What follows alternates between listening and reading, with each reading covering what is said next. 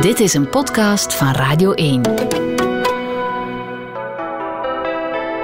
Twintigers, een briljante generatie. Met Cathy Lindekens. Ik ben Isaboa Houbrechts. Ik ben theatermaker en schrijver. En ik heb een grote fascinatie voor de geschiedenis en het verleden. De coronacrisis zakt er stevig in voor heel de culturele en artistieke wereld. Voor jonge mensen met veel talent die beginnen aan een artistieke carrière of die de voorbije jaren hun eerste stappen gezet hebben, is het extra moeilijk. Een van die beloftevolle theaterregisseurs is Lisaboa Houbrechts. Ik leerde haar kennen toen ze 16 was en op de VRT meedeed aan de overname. Jaren later ben ik haar heel bijzondere theatervoorstellingen beginnen volgen. Ze vlecht haar eigen verhaal onzichtbaar doorheen een reeks historische vertellingen en we hebben nog veel van haar te goed. Een van mijn allereerste herinneringen was dat ik op de glijbaan stond in de, uh, in de kleuterschool. En um, dat ik een soort van speelgoedje had dat ik van die glijbaan niet afglijden. En het was aan het regenen en iedereen was binnen met de leerkracht en ik was helemaal alleen buiten. En ik, er was een, een soort van uh, tristesse of zo verbonden aan dat moment. En ik herinner mij dat ik toen dacht, of wat een, een hele duidelijke gedachte was van ik ben ik. Hoe dat ik zie, ziet niemand anders.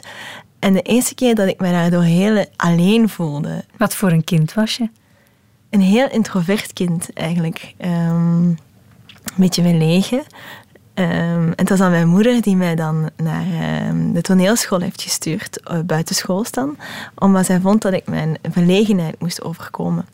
En dan eigenlijk door dan bezig te zijn met theater uh, en voordracht, dat ik dan besefte dat het wel eens iets open is gegaan, waardoor er daardoor een hele energieke versie van mezelf naar boven kwam.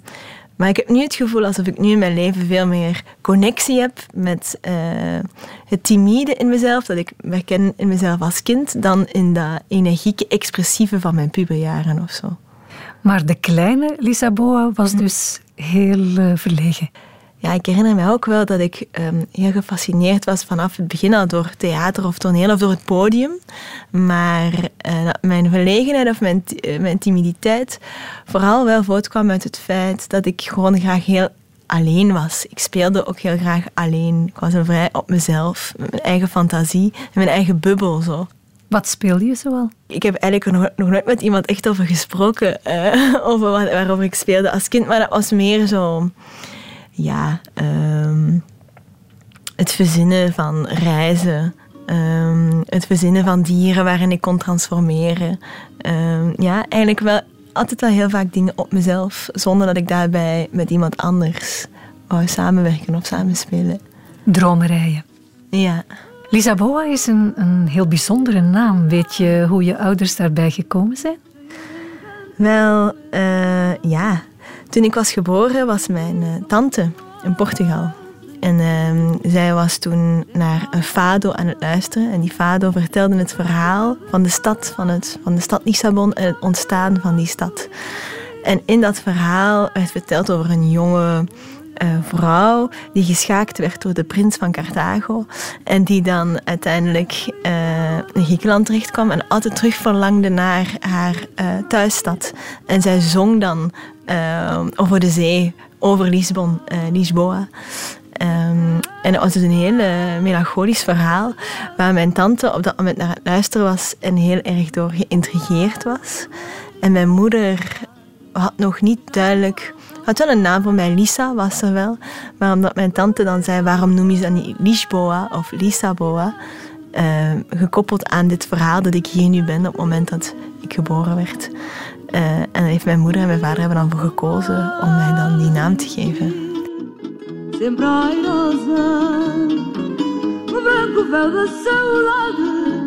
Cobre teu rosto, linda princesa.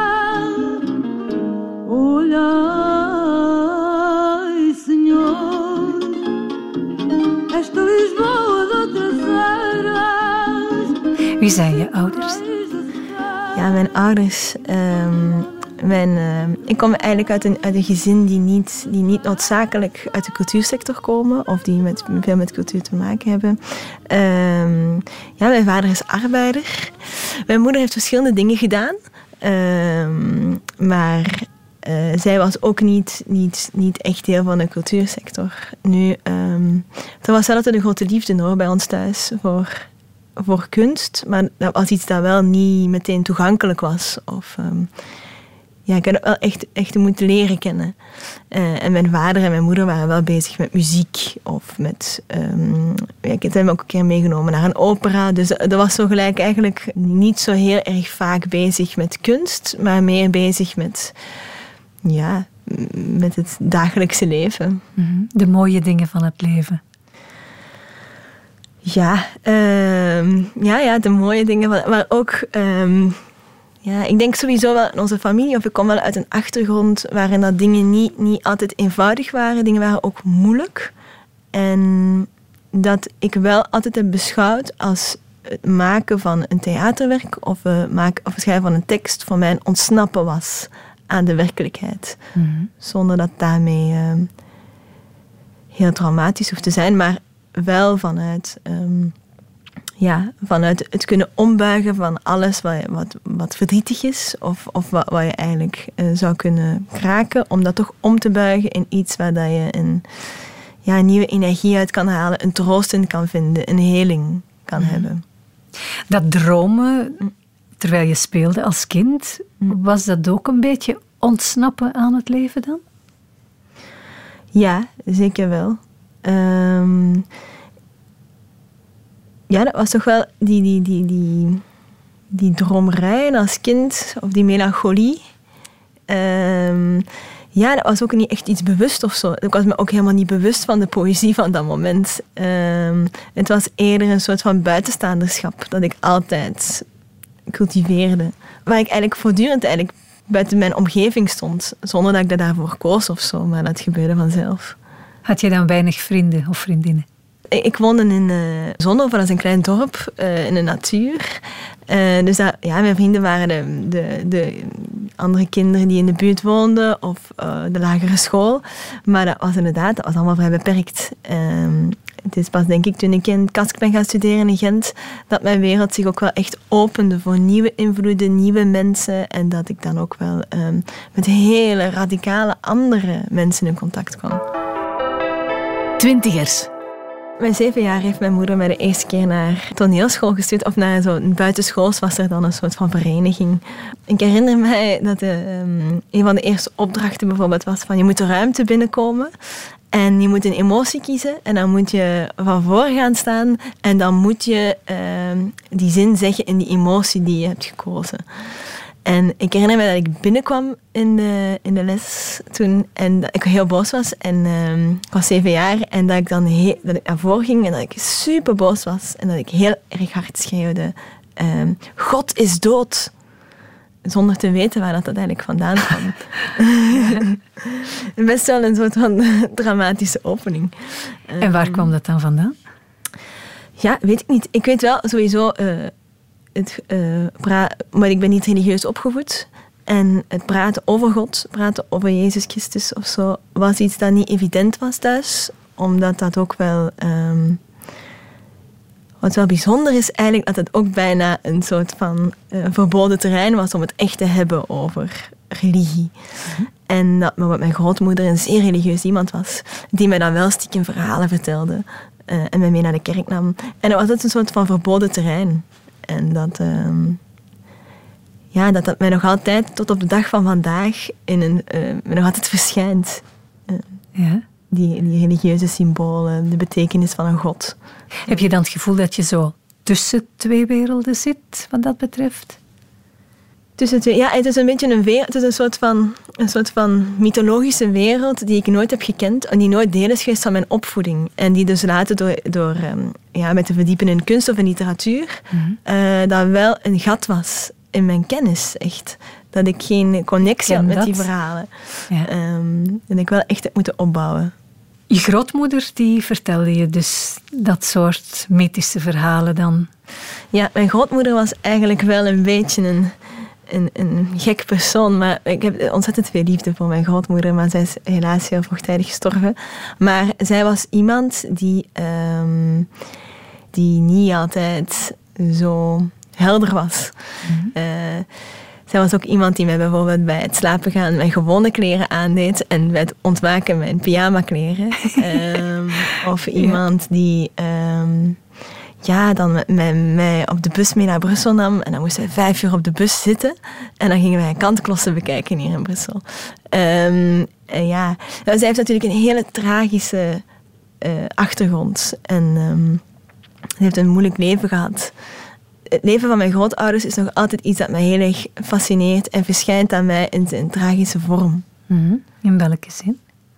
Ja, dat er toch bepaalde anekdotes zijn uit hun leven. Of zoals het gaat over het omgaan met religie, um, de waanzinnigheid, de waanzin van in de familie. Um, iets is dat mij toch wel altijd achtervolgt, die verhalen. Ook langs de andere zijde, langs mijn uh, moederskant, zijn er bijvoorbeeld heel veel uh, nonnen in de familie. Mm -hmm. uh, die daar zijn terechtgekomen omdat zij een probleem hadden met hun vrouwelijkheid. En uh, dat, creëert een soort van geheimzinnig universum met veel geheimen. En, en, uh, en heeft mij wel altijd aangetrokken. Um, dus op die manier zijn dat voor mij ook wel verschijningen. Mm -hmm. Het moeilijke leven van je grootouders. Wil je daar, kun je daar iets over vertellen? Ja, um, ja mijn, mijn grootouders waren ook gewoon arme arbeiders. Die, uh, ja, omdat ik ooit misschien een werk wil maken over mijn grootouders, weet ik nog niet zo goed wat er nu over te zeggen of wat ik nu al weggeef. Maar langs mijn grootmoeders kant was er een soort van een extreem katholicisme. Dat ervoor heeft geleid dat mijn, dat mijn grootmoeder en haar zus bijvoorbeeld en, en haar broer ook, daar wel vrij gekwetst zijn uitgekomen of uh, beschadigd zijn uitgekomen. Mm. En dat dat toch nog altijd effect heeft op de familie.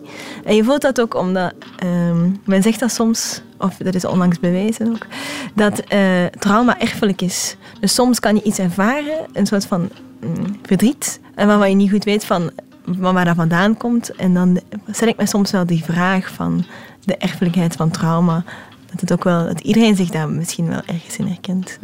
Het feit dat het traumatisch geëindigd is, kan misschien ook wel de reden geweest zijn dat je ouders niet voor religie gekozen hebben. Ja, absoluut. Het was eigenlijk door die ervaring met de destructieve kracht van wat religie kan zijn en ook daarbij gepaardgaande het, het misbruik dat daaruit kan voortkomen, uh, dat voor mijn ouders echt een reden was om uh, zich volledig te ontdoen van elk soort van religie en dat absoluut niet aan een kind te willen aanleren. Mm -hmm. um, waardoor eigenlijk een, soort van tegenovergestelde beweging komt. Uh, dat het verboden is om met religie bezig te zijn. En was dat bij jou dan net weer een manier om het te gaan zoeken? Ja, misschien wel. Ook omdat ik wel voelde dat vanuit de familie dat wel echt deel is van mijn verhaal en van mijn geschiedenis. En, uh, en niet alleen van mijn geschiedenis, maar ook als ik dan merkte uh, binnen de kunsten, ook echt deel is van onze cultuur. Uh, en dat dat voor mij uh, totaal onbekend terrein was, waarin zowel persoonlijke als collectieve dingen liggen. Mm -hmm. En dan ben ik daar wel in gaan zoeken en graven en beelden en muziek, uh, op, op, beelden en muziek gestoten die mij diep ontroerden, zonder dat ik daarbij een, een specifieke ervaring mee heb of zo.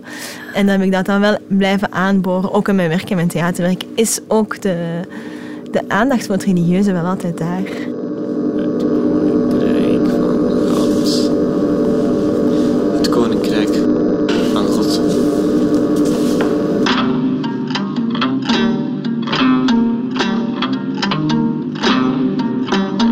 Is het hetgeen waar je vandaan komt, hetgeen wat je altijd meeneemt als je dingen creëert? Of is dat niet noodzakelijk zo? Dat weet ik eigenlijk niet. Dat het voor iedereen anders is. Uh, dat iedereen op een andere manier maakt. Uh, en ik heb wel gemerkt bij mezelf dat in het begin daar, uh, er veel meer afstand was tussen wie ik was of mijn verleden en het werk dat ik maakte. Maar hoe langer de tijd duurt of hoe, hoe meer ik het maken ben, uh, ik steeds meer tot, dat plek, tot die plek in mezelf kom waarmee ik het zelf soms ook moeilijk heb om mij mee te confronteren. Vertel eens over je schooltijd. Ik heb eerst uh, Latijn-Grieks gestudeerd aan het Atheneum in Hasselt. En daarna ben ik overgeschakeld naar de kunstschool in Hasselt ook. En voor mij was dat wel echt een moment van bevrijding om um, uit een rigide systeem, uit een rigide schoolsysteem te stappen.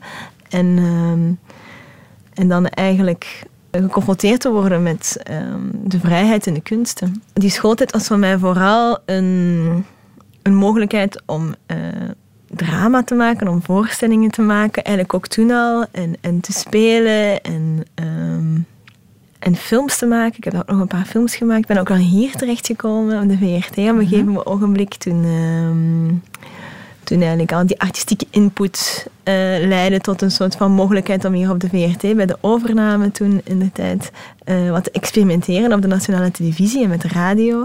En eigenlijk dat eigenlijk vanzelf de puzzelstukjes in elkaar vielen na een tijd. Ja. Was je um, als puber ook altijd alleen op jezelf? Of deelde je dingen met vrienden en ging je uit, speelde je? In mijn puberteit was ik wel iemand die heel erg veel contact zocht. Omdat, uh, of was ik mm, ja, een heel extravert iemand geworden die vooral niet die totale, die, niet die totale confrontatie met mezelf wou aangaan. Uh, bepaalde dingen van mezelf ontkende. Uh, ik was wel mij heel erg bewust van het feit dat ik mij het verstoppen was. En dat de oppervlakkigheid of het, het, het, aannemen van een oppervlakkige pose soms de dingen zoveel makkelijker maakt. Mhm. En als puber of zo um, ik daardoor het gevoel had dat ik daardoor aanvaard kon worden. En snel werd opgenomen in groepen. Ik viel niet meteen ergens tussenuit, dus ik was wel vrij aanvaard door iedereen. Wat wel heel mooi en bijzonder was. Maar dan na een tijd, ehm, als je dan alleen bent, dan weet je wel eigenlijk dat je eigenlijk iemand anders bent. Maak dat eens wat duidelijker ja, het verleden dat je met je meedraagt omwille van... Ja, eh, inderdaad, misschien ook wel de familiegeschiedenissen, de, de trauma's binnen families, maar en anderzijds ook het lichaam. Het lichaam dat misschien niet is zoals het zich voordoet of lijkt te zijn. Um, ik had toch altijd wel het gevoel dat er een soort van... Um, een verdriet is dat ik nog altijd niet bewerkt heb in mijn leven dat tegelijkertijd ook een mogelijkheid kan zijn. Een kunst kan zoiets een mogelijkheid zijn, maar zonder de kunst of zonder iets te maken in mijn leven zou mij dat totaal kapot maken. En in mijn puberteit was het nog onduidelijk wat ik daarmee kon doen met dat verdriet. En zolang dat, dat niet duidelijk was, was de schijnbare lach, was het opgenomen worden in groepen, een mogelijkheid om te ontsnappen aan mezelf. Mm. En, um, en wist je waar dat verdriet vandaan kwam? Ja, toch wel. Er zijn bepaalde dingen die je hebt meegemaakt waar je enige tijd voor nodig hebt om overheen te komen. Was er een soort van schild tussen jou en de andere mensen? Uh, of was die lach jouw schild? Ja, dat die lach wel een schild was. Ik denk dat heel veel mensen juist het gevoel hebben of hadden dat ik, heel, dat ik een heel toegankelijk iemand ben, of gelukkig kan lijken. Um, en dat dat veel, veel mensen uh, lijkt alsof ik heel toegankelijk ben, terwijl ik eigenlijk uh, bepaalde dingen wel echt buiten hou. De overname. Ongezien, ongegeneerd en lekker onvolwassen. 25 jonge gasten doen het zelf. 2, 1.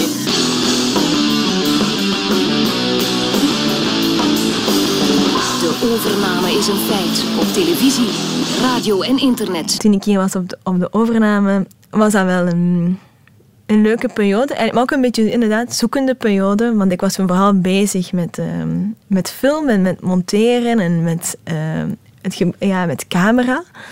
Uh, maar ik had tegelijkertijd een verlangen om voor die camera te staan en, en te acteren. En dat was toen nog zo'n soort van strijd in mezelf van ben ik eigenlijk een maker of ben ik een speler? Ik beschouw die periode, die specifieke periode van mij, wel een beetje als een beetje mijn hysterische periode. Dat, dat ik zo uh, heel uh, heel open en heel, heel blij leek te zijn. En ik dacht gewoon, ja, je moet was gewoon... een blij meisje. Je moet het leven gewoon helemaal grijpen en je moet er gewoon alles uithalen wat er uit te halen valt. Ik herinner mij dat ik hier um, de eerste keer ideeën kon aanbrengen die ik ook effectief kon verwezenlijken. Door de hulp van het hele huis, dat dit bijna toch ook al is. Het is een huis. Ja, iedereen werkte mee. Ja, ja. dus dat was wel... Ik had bijvoorbeeld toen nog een idee voor een, een video te maken en, uh, en dat waren allemaal elementen. Ik herinner me nog dat er dan een, een soort van rockband moest worden gevraagd. En dan moest er dan ook een auto worden gehuurd. Of dat was een soort van een, een beeld dat we wouden maken.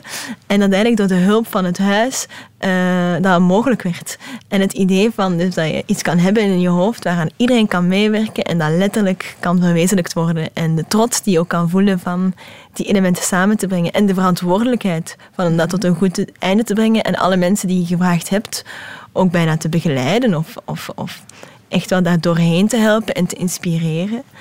En dat was voor mij wel een hele ehm, bijzondere ervaring. Ik had eigenlijk het gevoel toen ik, toen ik hier vertrok, toen ik hier wegging hier, dat ik vooral iets met film wou. Want er zat een groot verlangen in mij om films, kortfilms te maken. En ehm, ik heb het ook wel verder geëxploreerd nog op de humaniora, want ik was nog niet afgestudeerd toen. En ik heb toen eigenlijk mijn verdere looptijd in de humaniora echt gespendeerd aan het maken van die films. maar ik zat wel eigenlijk in een acteeropleiding. En dan, uh, toen ik was afgestudeerd aan de humaniora, um, ik dan toch besloten om iets te doen met het theater. En dan heb ik toelatingsexamen gedaan op het KASK. En dan was ik daar, uh, dat verwacht eigenlijk, um, toegelaten om daar de opleiding te starten. En toen heb ik wel een hele andere visie, wel een soort van visie die zich ontwikkeld heeft mhm. over theater, uh, die mij wel ingrijpend heeft veranderd. En dat was voor mij wel heel inspirerend om daar bepaalde mensen te leren kennen, bepaalde eh, docenten, um, bepaalde studenten. En dan heb ik daar uiteindelijk dan ook Victor, Romy en Oscar in Gent leren kennen, met wie we dan een, ehm, een gezelschap hadden opgestart. Eigenlijk was dat begonnen meer als een collectief uh, tussen beeldende kunst, performance en theater. Hadden een grote ruimte in Gent aan de Kuiperskaai, waar dat we begonnen met allerlei experimenten in dat atelier, waarvoor we mensen uitnodigden. Dan kwamen er op een avond 50 mensen kijken en deden wij een soort van performance. En dan dacht ik, ah, misschien moet ik dan wel toch verder gaan in dat theater. En zo heeft zich dat eigenlijk gedurende mijn studententijd eigenlijk zich ontwikkeld tot uh, theater voor een grote scène. Twintigers. Een briljante generatie. En als je trouwt, trouw met een dwaas. Want wij zijn mannen weten goed genoeg wat voor man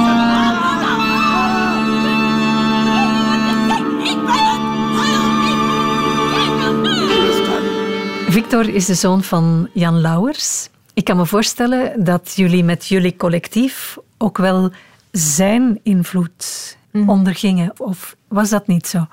Jawel, zeker wel. Maar ik denk ook dat er uh, sowieso binnen Kuiperskade stemmen waren die zeiden van... Uh, tot op welke mate laten we ons inspireren en dan hebben we dan gesprek en in welke mate uh, moeten we daar juist afstand van nemen en doen we ons eigen ding.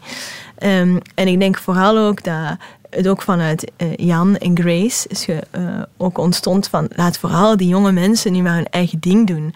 Dus dat was het eigenlijk in het begin altijd heel erg veel vrijheid voor experiment en juist weinig inmenging. En het was eigenlijk door dan uh, werk dat zich dan verder uitkristalliseerde, dat er dan wel een, een andere dialoog uit ontstond na een tijd. Victor en Romy hadden het theater ook met de paplepel binnengekregen. Ja, ze hebben het met de paplepel in de mond gekregen, maar toch wat dat ze doen, of wat ze met theater willen doen, is wel vrij eigenzinnig. En uh, bijvoorbeeld Victor is ook heel erg veel bezig met poëzie en gedichten. Romy heeft echt, echt helemaal toegelegd op het performen.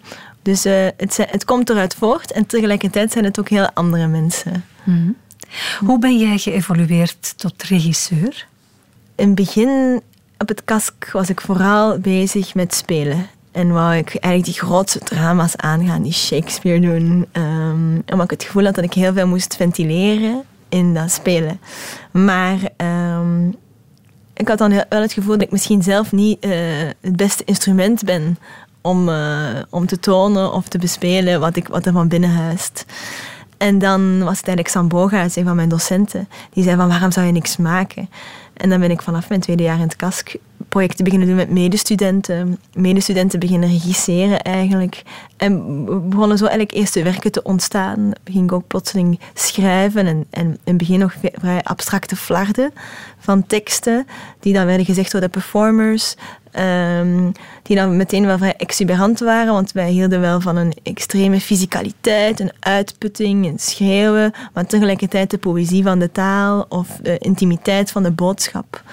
Um, maar langzaam, langzaamaan eh, voelde ik dat eigenlijk het, de context van het atelier waar we woonden uh, te klein werd voor um, de ideeën die groter werden, de scenario's die complexer werden. Uh, en, dat, en dat, er, ja, dat het meer gelaagd moest worden. Hoe de bek, de snavel naar een reet. En answer with the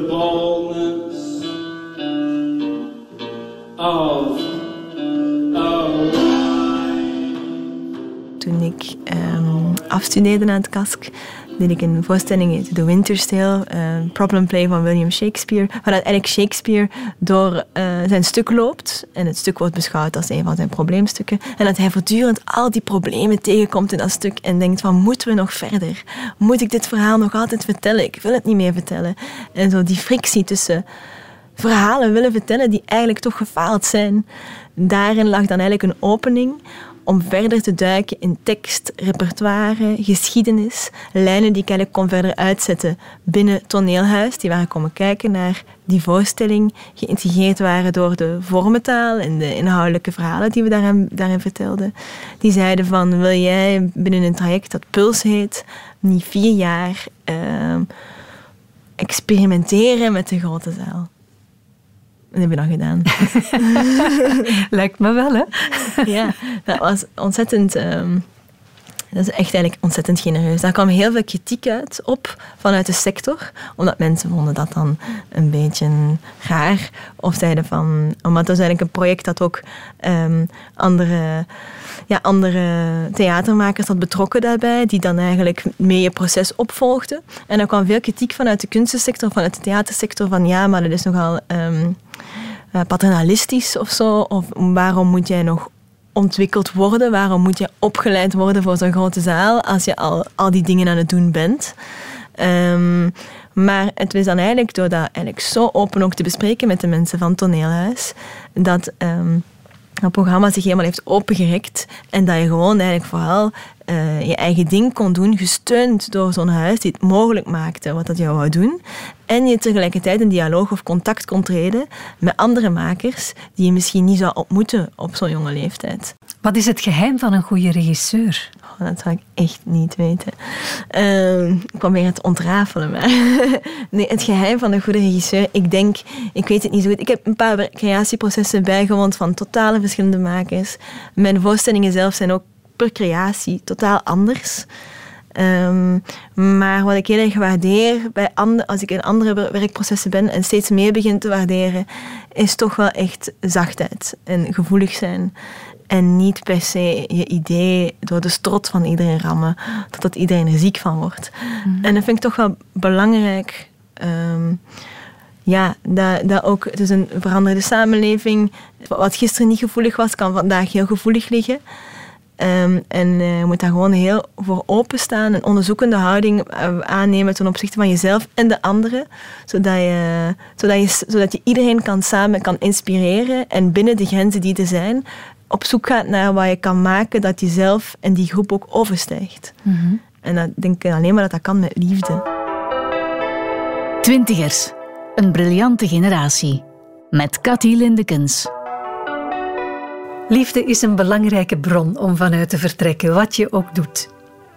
Wat ik zo mooi vind aan deze voorstellingen is de bijzondere band die je voelt tussen Lisaboa en haar vrienden van Kuipersky. Een regisseur is een groep. Meestal begin ik met het verzamelen van informatie en het sprokkelen van teksten. Het schrijven in handboekjes, op de trein, in musea, op, op momenten die er niet toe doen teksten verzamelen, die je dan in een later stadium begint samen te brengen tot uh, narratieve teksten. Um, die je dan ja, begint te laten lezen aan andere mensen, aan dramaturgen, die je wat meer licht, uh, lijn kunnen geven en wat je wilt vertellen. Dus het begint eigenlijk met de tekst. En de eerste gesprekken die ik dan meestal voer met Oscar van der Put, die de scenografie doet, om te zoeken naar wat van die tekst kunnen we verbeelden en wat gaan we niet verbeelden. Maar Oscar is een abstract schilder, een abstract scenograaf. Die gaat nooit uitbeelden wat dat de situatie of de plek is die ik probeer op te roepen in mijn schriftuur. En dan gaan we eigenlijk op zoek naar meer symbolische manieren van ruimtes tot leven te wekken. Um, die, uh, die dan echt ontstaan uit een gesprek en uit een inspiratie die wij samen delen. En door bijvoorbeeld te weten, bijvoorbeeld in Bruegel hebben we ervoor gekozen om, om op een gigantisch zwaard op de scène te zetten van, van 7 meter breed. Dat dan de speer van Athena zou worden. Dat dan uiteindelijk het zwaard wordt van de Duligriet, de creatie waar dat de voorstelling over gaat. Dus dat zijn wel zo manieren om uh, heel groot te denken in beelden en tegelijkertijd naar een totale soberheid te streven. -hmm. Um, dus eigenlijk het verzamelen van die teksten en het verzamelen van ideeën voor decor komt samen in een soort van beeldend script waar heel veel aandacht is voor tekst. Dat is een heel lang ontwikkelingsproces, kan ik me voorstellen, nog voor je aan acteurs gaat Ja. denken. Ja, en dan begin je na te denken van ja, wie gaat wat spelen? En het is dan ook wel vaak voor specifieke mensen dat ik begin te schrijven. Eh, ik heb meestal wel iemand in gedachten. Ehm, zodat die woorden ook echt vorm beginnen krijgen of kunnen spreken doorheen de mond van die persoon die ik mij verbeeld. Eh, gesprekken met de spelers vind ik altijd heel erg belangrijk om ook te weten van waarom zij theater maken. Omdat de reden waarom zij erin in zitten of theater willen maken moet verbonden zijn ergens aan de reden waarom we dit doen. En dan kom je soms op, op botsende visies of soms gelijkgestemde visies. Ehm, maar die acteurs inspireren mij toch wel altijd.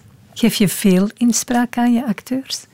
Op voorhand, tijdens het schrijven misschien niet zo. Eh, op voorhand ben ik, moet ik eerst even mijn eigen gedachten vormen. Maar eens op de scène komt er een punt, bijvoorbeeld na een maand repetitie, dat zij het beter beginnen weten dan ik. Want zij kruipen echt in het vlees en bloed van de personage die jij geschetst hebt.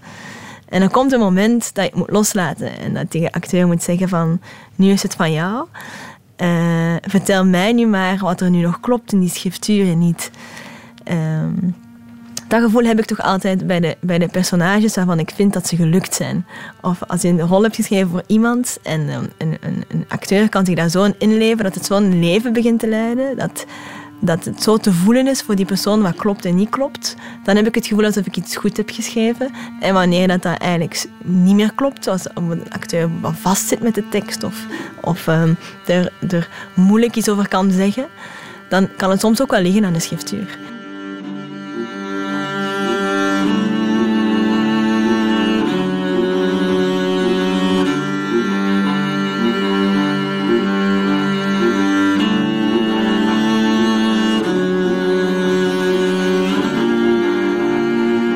Blijft ook wel uh, heel nauw verbonden in de voorstellingen die je maakt met je vrienden van Kuiperskaaien. Ja. Ondertussen weten jullie wel van elkaar, neem ik aan, hoe het functioneert en hoe jullie functioneren als groep.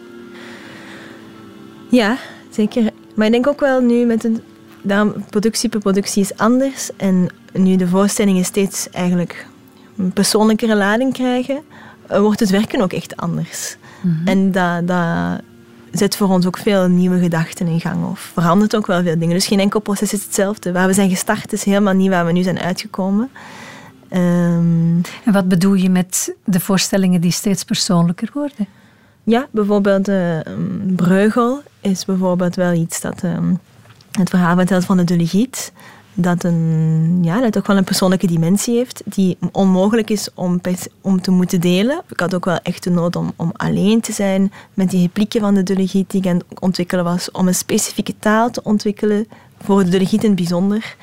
Uh, een specifieke taal die tussen in, in, in de voorstelling tussen het Middel-Nederlands en het Limburgs huist of afschuilt. En dat was wel echt een taal die zich alleen maar kan ontwikkelen als ik gewoon twee weken alleen uh, in een kamertje zit en me opsluit met die tekst. Je bent een meisje van Limburg, hè? Ja, klopt. Vandaar het Limburgs in ja. de voorstelling. Ja, ja, zeker. Ook omdat ik vond bij Breugel vond ik wel zo die, die, die toch wel uh, duistere boerentaferelen die zich wel plaatsvinden. Hoewel we daar vaak over nadenken als idyllische taferelen. Bijvoorbeeld hè, het dansen van die boeren of zo. Maar dat Breugel die, die boeren eigenlijk weergeeft op een moment van hongersnood en het aanbreken van de kleine ijstijd. Wat eigenlijk dus een veel donkerdere betekenis geeft aan die boeren. Mm-hmm. Maar dat Breugel dat schilderde voor rijke landwegen die daarmee wat pochen op zijn, buiten, uh, zijn buitenverblijf. Maakt van Breugel bijna een cynische kunstenaar. Maar wat betekent het dan om het verhaal van die boertjes te vertellen? En voor mij was dan eigenlijk het werken rond um, al die figuren in Breugelswerk, al die figuren die misschien niet tot het recht zijn gekomen, al die figuren die eigenlijk de, de waarheid niet spreken op zijn doek, die geïdealiseerd zijn, als die toch in confrontatie komen met hun werkelijkheid. Zoals de boerin die plotseling haar masker aflegt en begint te spreken over uh, over de kou en de bevroren vissenkoppen in de morgen, uh, wanneer dat zij misselijk haar, haar, zwangerschap eruit moet braken. Zo, naast iemand als de Delegiet, die Delegiet die wordt beschouwd als een soort van komisch hellewijf, die ons met de degel komt slaan. Een soort van archetypische karikatuur. Maar wat als we het hebben over haar over haar tragiek. Het feit dat zij altijd geportretteerd is als, ehm, als een soort van manwijf, dat wordt ook genoemd. Ehm, terwijl zij misschien juist een probleem ervaart met haar vrouwelijkheid. Ehm, ja, en daarvoor vond ik de taal die Limburgs mij kon schenken, of, of, of ja, daarvoor een manier om naar de essentie daarvan te gaan. Omdat ik voelde, elke keer als ik aan het schrijven was, dat teksten soms nergens heen gingen en ik wou eigenlijk op rijm schrijven. En dat ik voelde dat als ik gewoon bezig was op mezelf, dat ik automatisch in dat bijna Hasselse Limburgse accent begon te schrijven. Hoewel ik dat zo lang als een deel van mezelf heb ontkend. En dat plotseling naar voren trad en dat niet langer zweeg, dus dan moest ik er wel in gaan. Ja, dus daar kwam je dichter bij jezelf. Ja, ja, ja, ja. En ook in de inhoud, het verhaal van het Legiet. Maar dan moeten de mensen misschien eens komen kijken naar de voorstelling om te weten waar, waarin dat kan schuilen. Ik kom gewoon omdat ik niet anders kan dan gaan. De ene tijd in nadat ik de andere verlaat. Ik ben de Dulgriet en die moet mij niet. Ik probeer te helen wat op mijn weg werd opengereten. En men noemt mij een rover. Een dief van verhalen.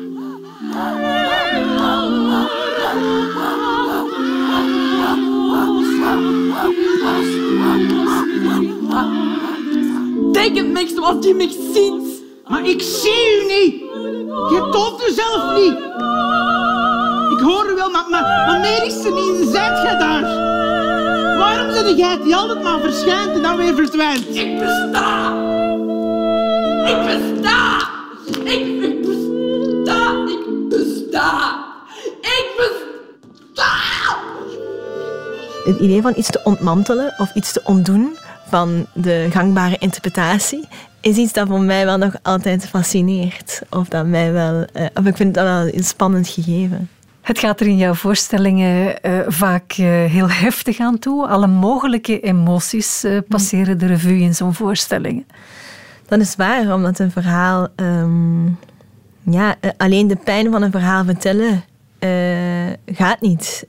het is op het moment dat je in de pijn duikt, dat de humor vanzelf naar boven komt. En dat vind ik zo mooi. Dat de levenslust zich openbaart in het meest destructieve dat is dat vanzelf gebeurt. En daardoor dat ook een hele range van emoties ook worden opengelegd. Um, wanneer je duikt in de diepte van een ontwikkeling van een personage. En ik hou ook wel heel erg van uh, overidentificatie. In de zin van, ja, dan gaan we zo ver door in de pijn, in dat bloed, in dat lijden, tot het plastiek wordt, tot, het, tot, het, tot het, dat we erin kunnen gaan hout hakken en het bloed eruit spuit. Um, dat dan meteen um, een soort van sturm en drang achtige humor krijgt. Een soort van kitsch. Um, zo ver doorgaan in de pathetiek dat je er echt van moet wenen. Uh, dus al die, al, die, al die lagen of al die grenzen tussen humor en tragiek uh, worden daarbij opgeheven. En daar ben ik wel altijd naar op zoek naar. Omdat het inderdaad ook het leven is. Dat is echt het leven. Um, op het ene moment uh, huil je en op het andere moment barst je een lachen uit. Ja. En het ligt heel dicht bij elkaar. Ja, ligt heel erg dicht bij elkaar.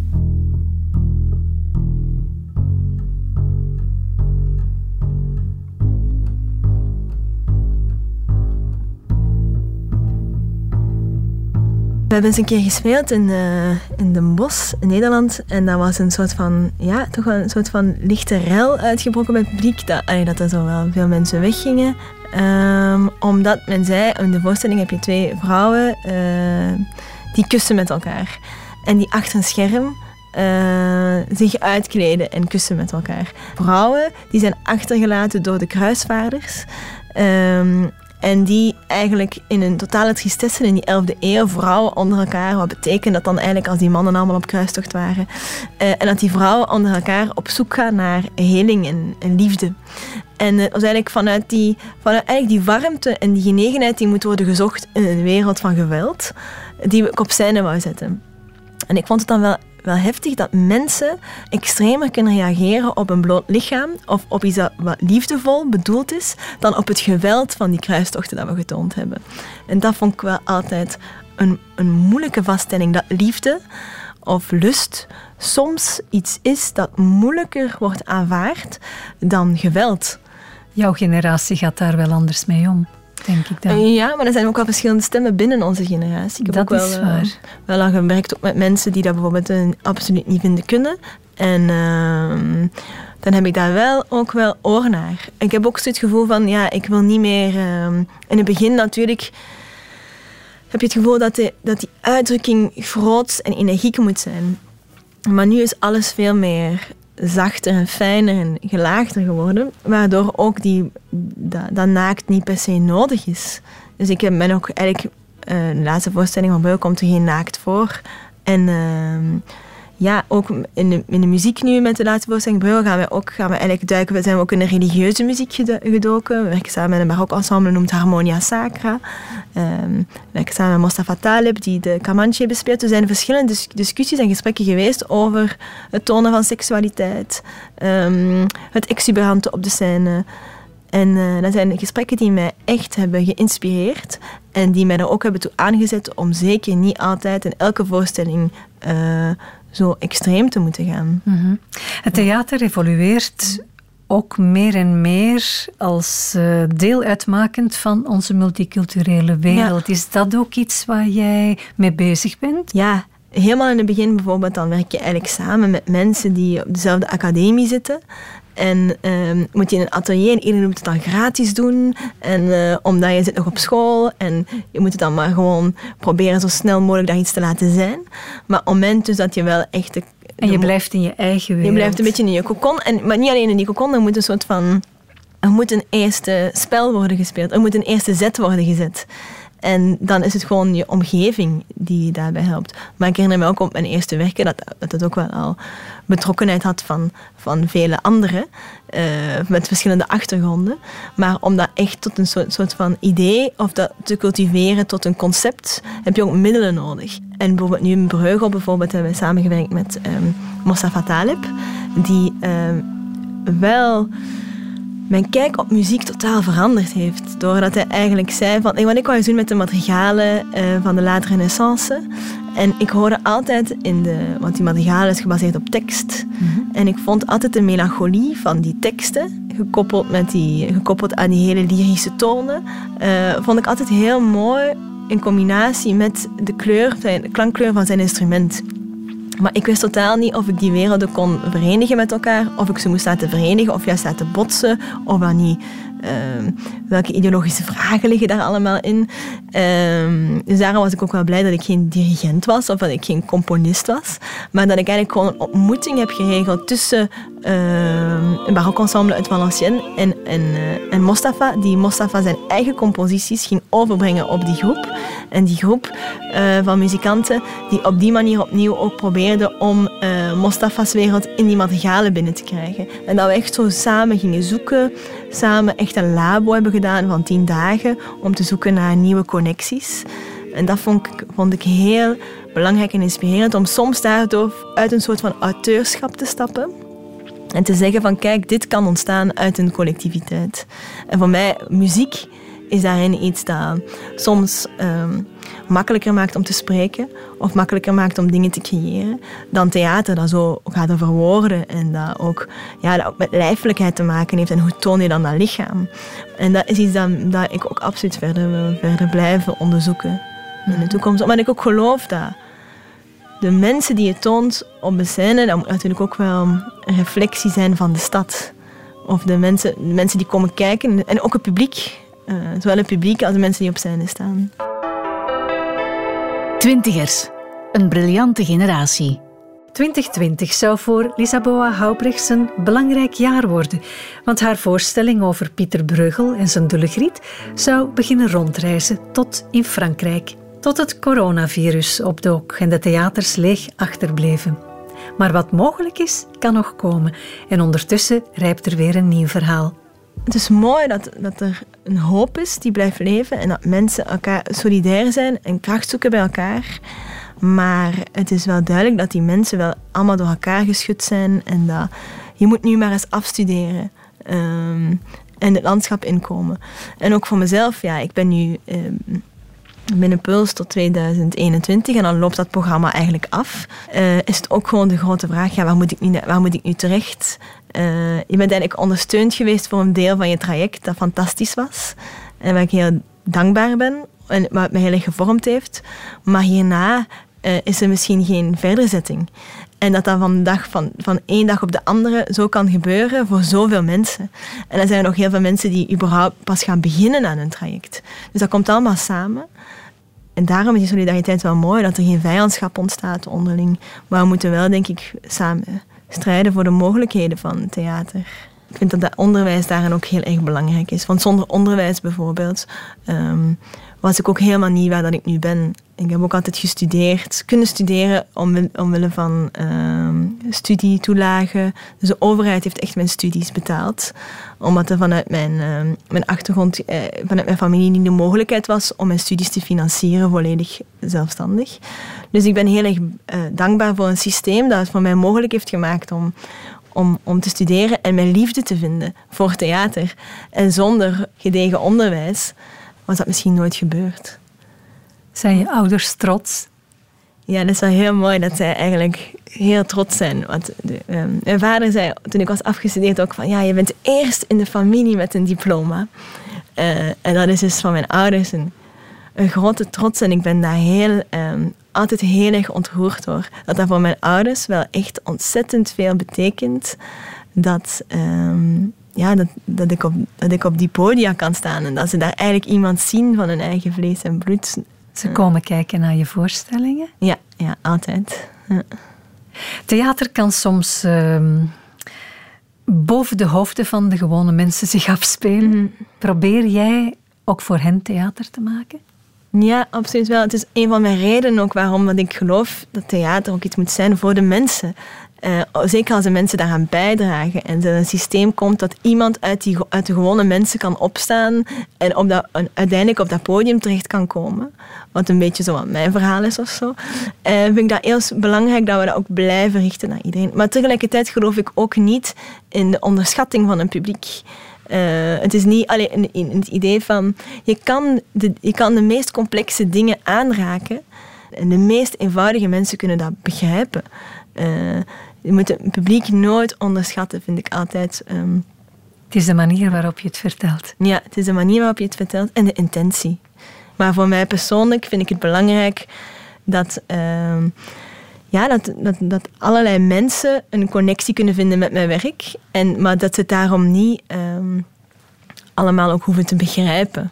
Eh, ik denk sowieso, ik begrijp mijn eigen werk niet eens. Eh, soms komt er een beeld of schrijf ik een gedicht of doe ik iets dat ik, dat ik niet helemaal begrijp. En ik, en ik voel dat ik het moet doen en dan bouw ik daar een heel verhaal rond en dan staat het daar op de scène en dan belichamen we dat met z'n allen. En dan worden mensen daardoor ontroerd. En dat is superkrachtig, maar en sommige mensen begrijpen totaal niet wat het dan eigenlijk betekent. En dan kan ik soms ook alleen maar terug zeggen, ja, ik ook niet helemaal. Ehm, het is nooit helder. Maar je blijft doorheen je voorstellingen je eigen verhaal vertellen. Eh, ja, mijn eigen verhaal, of, maar, maar heel vaak juist door het verhaal van anderen te belichamen. Want het komt toch alleen maar het dichtste tot jezelf als je het niet via je eigen lichaam moet gaan. Dat vind ik wel heel belangrijk, dat toch een soort van... ehm, de wereld is veel groter dan je eigen bubbel. De wereld is groter dan... En, en ik moet mezelf de hele tijd daar ook uithalen. Dus je moet jezelf ook de hele tijd confronteren met... Nu moet ik eens naar een plek gaan, naar een heel ander soort plek. Of moet ik mijn visie confronteren met... ehm, een tegenovergestelde visie, dat ik zeker niet blijf hangen in het eigen lichaam, in deze eigen mening, maar dat het, zich, dat het groter wordt. En daardoor is het zoeken naar een onderwerp eh, altijd zo belangrijk, omdat dat onderwerp kan zo ver zijn, of kan zoiets anders zijn als jij, en daarin vind je dan een deel van jezelf. Waar wil je staan binnen tien jaar? Ehm, ik zou heel erg graag gewoon die een theatervoorstellingen willen blijven maken. En ik hoop gewoon dat er een manier gaat komen dat ik dat kan blijven doen. Ik hoop gewoon een schrijver of theaterregisseur te- te worden die, die mensen willen volgen en die een bepaalde plek kan innemen.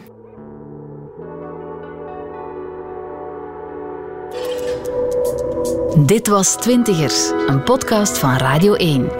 Ontdek nog meer podcasts van Radio 1 in onze app en op radio1.be.